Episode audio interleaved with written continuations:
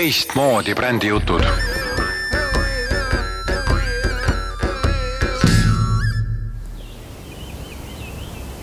ja tere kuulama, Põrguline alustab. tänases episoodis tuleb ettekandele Suur Munamägi järjejutu teine osa. see on siis ulmejutt, milles ma räägin emotsionaalsetest väärtustest igaks juhuks ütlen, et juhul, kui sa ei ole selle järjejutu esimest osa kuulanud, siis navigeeri põrgulise eelmisele episoodile ja kuula see kõige esimene osa ka läbi, siis saad paremini aru, mis toimub. aga soovin sulle head kuulamist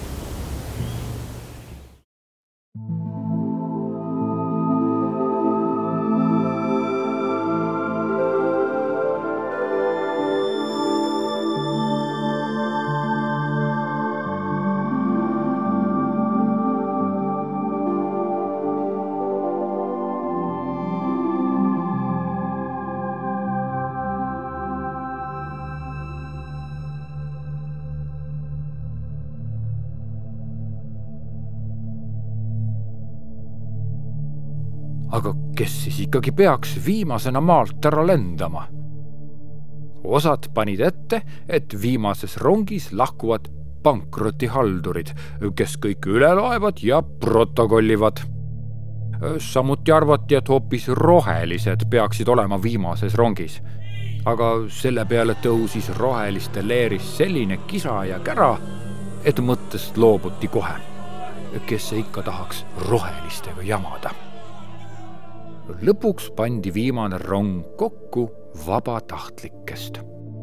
seal oli fotograafe, kes soovisid viimaseid kaadreid salvestada, muidu huvilisi kui ka maausulisi, kes oma häid soove ja mõtteid meie koduplaneedile saatsid.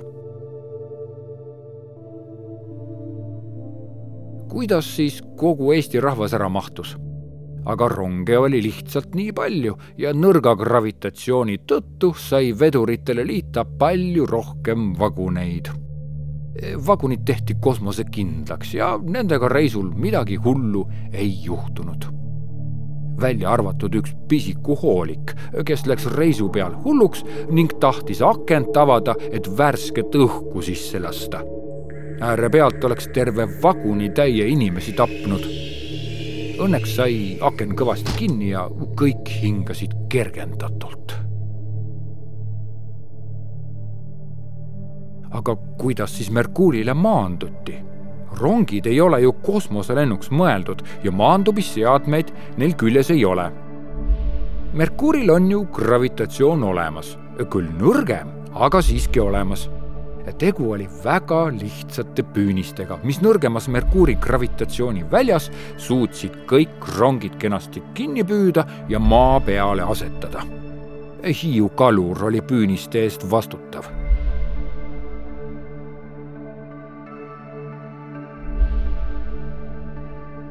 Merkuuril valitses kindel kord ja poliitiline tasakaal kõik olid hirmul ja teadmatuses ning see aitas väikese Eesti koloonia püsida ühtsena. inimesed aitasid teineteist ja olid abiks ning isegi erinevad poliitilised jõud toimisid ühtsena. muidugi pidid nad vahet pidamata igast oma sammust tuututama ja sellega kõigile pinda käima kuna Eestimaa elanikud olid surmani ära tüütava reklaamiga nii harjunud, siis lepiti kokku, et poliitilised jõud jätkavad oma reklaamitegevust, et rahvale luua tuttavlikku ja maalähedast elukeskkonda. samuti pandi püsti raadiojaam, kust lasti saateid, muusikat ja muidugi reklaami. raadiomehed olid maalt kaasa võtnud virnade viisi vanu saateid ja reklaame, siis neid viimaseid kõlas eetris kõige sagedamini reklaamid, mida maa peal ei pandud tähelegi, olid nüüd rõõmsalt tuttavlikud ja rahustavad.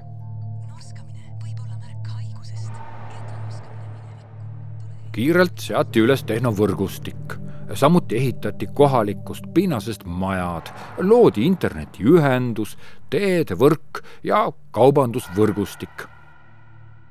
Esialgu jagati toitained ja eluks vajalikke tarbeid tasuta. Hiljem aga raha eest kuna Euroopa Liit lagunes seoses Saksa ja Prantsusmaa ühinemise ja lennuga Neptunile, siis polnud eurosid enam vaja ja kasutusele võeti taas Eesti kroonid. Merkuuril sai elada ainult ühel poolusel, sellel, mis oli külm.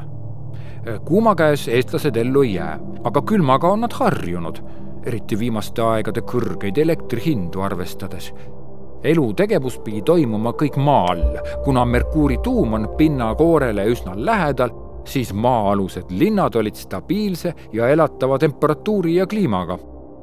esialgu elati ainult ühes maa-aluses linnas, mille nimeks pandi Tallinn. kuna kogu Eesti elanikkond Tallinnasse ära ei mahtunud, siis asuti juba kohe looma ka Tartut, Pärnut ja Narvat koloonia arenes ja elu laabus hoolimata täiesti uudsest olukorrast. linnu tekkis kui seeni peale vihma ja peagi jõuti isegi väiksemate asulateni. igaüks tahtis justkui oma kodukohas elada. ühest asjast tundsid eestlased puudus. ei olnud midagi, mis kõigile ühtmoodi Eestina mõjunuks linnade nimed ju meenutasid mahajäänud kodu aga majad olid kõik teise kujuga. asja arutati nii rahva seas kui ka valitsuse tasandil ja järjest rohkem kostus mõtteid, et suurt Munamäge oleks vaja. midagi sellist, mida võiks külastada. Merkuuri pinnale sai vaid vastava varustusega ja sinna ei saanud suurt Munamäge luua. seepärast otsustati rajada kallis maamärk maa alla planeeriti hiiglama suur saal, kuhu püstitada Suure Munamäe teisend. rahvas aga arvas, et ei, see pole Suur Munamägi ega miskit. peaks ikka maa peal ära käima ja Suure Munamäe ka ära tooma.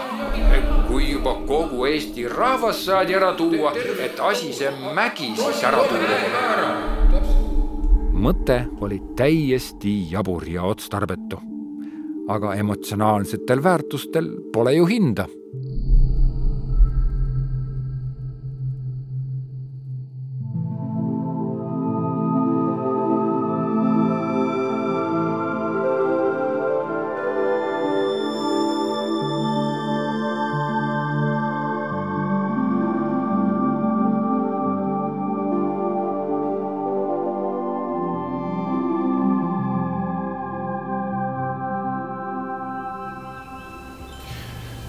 kuidas sa siis arvad, kas tuuakse suur Munamägi ära või ei tooda?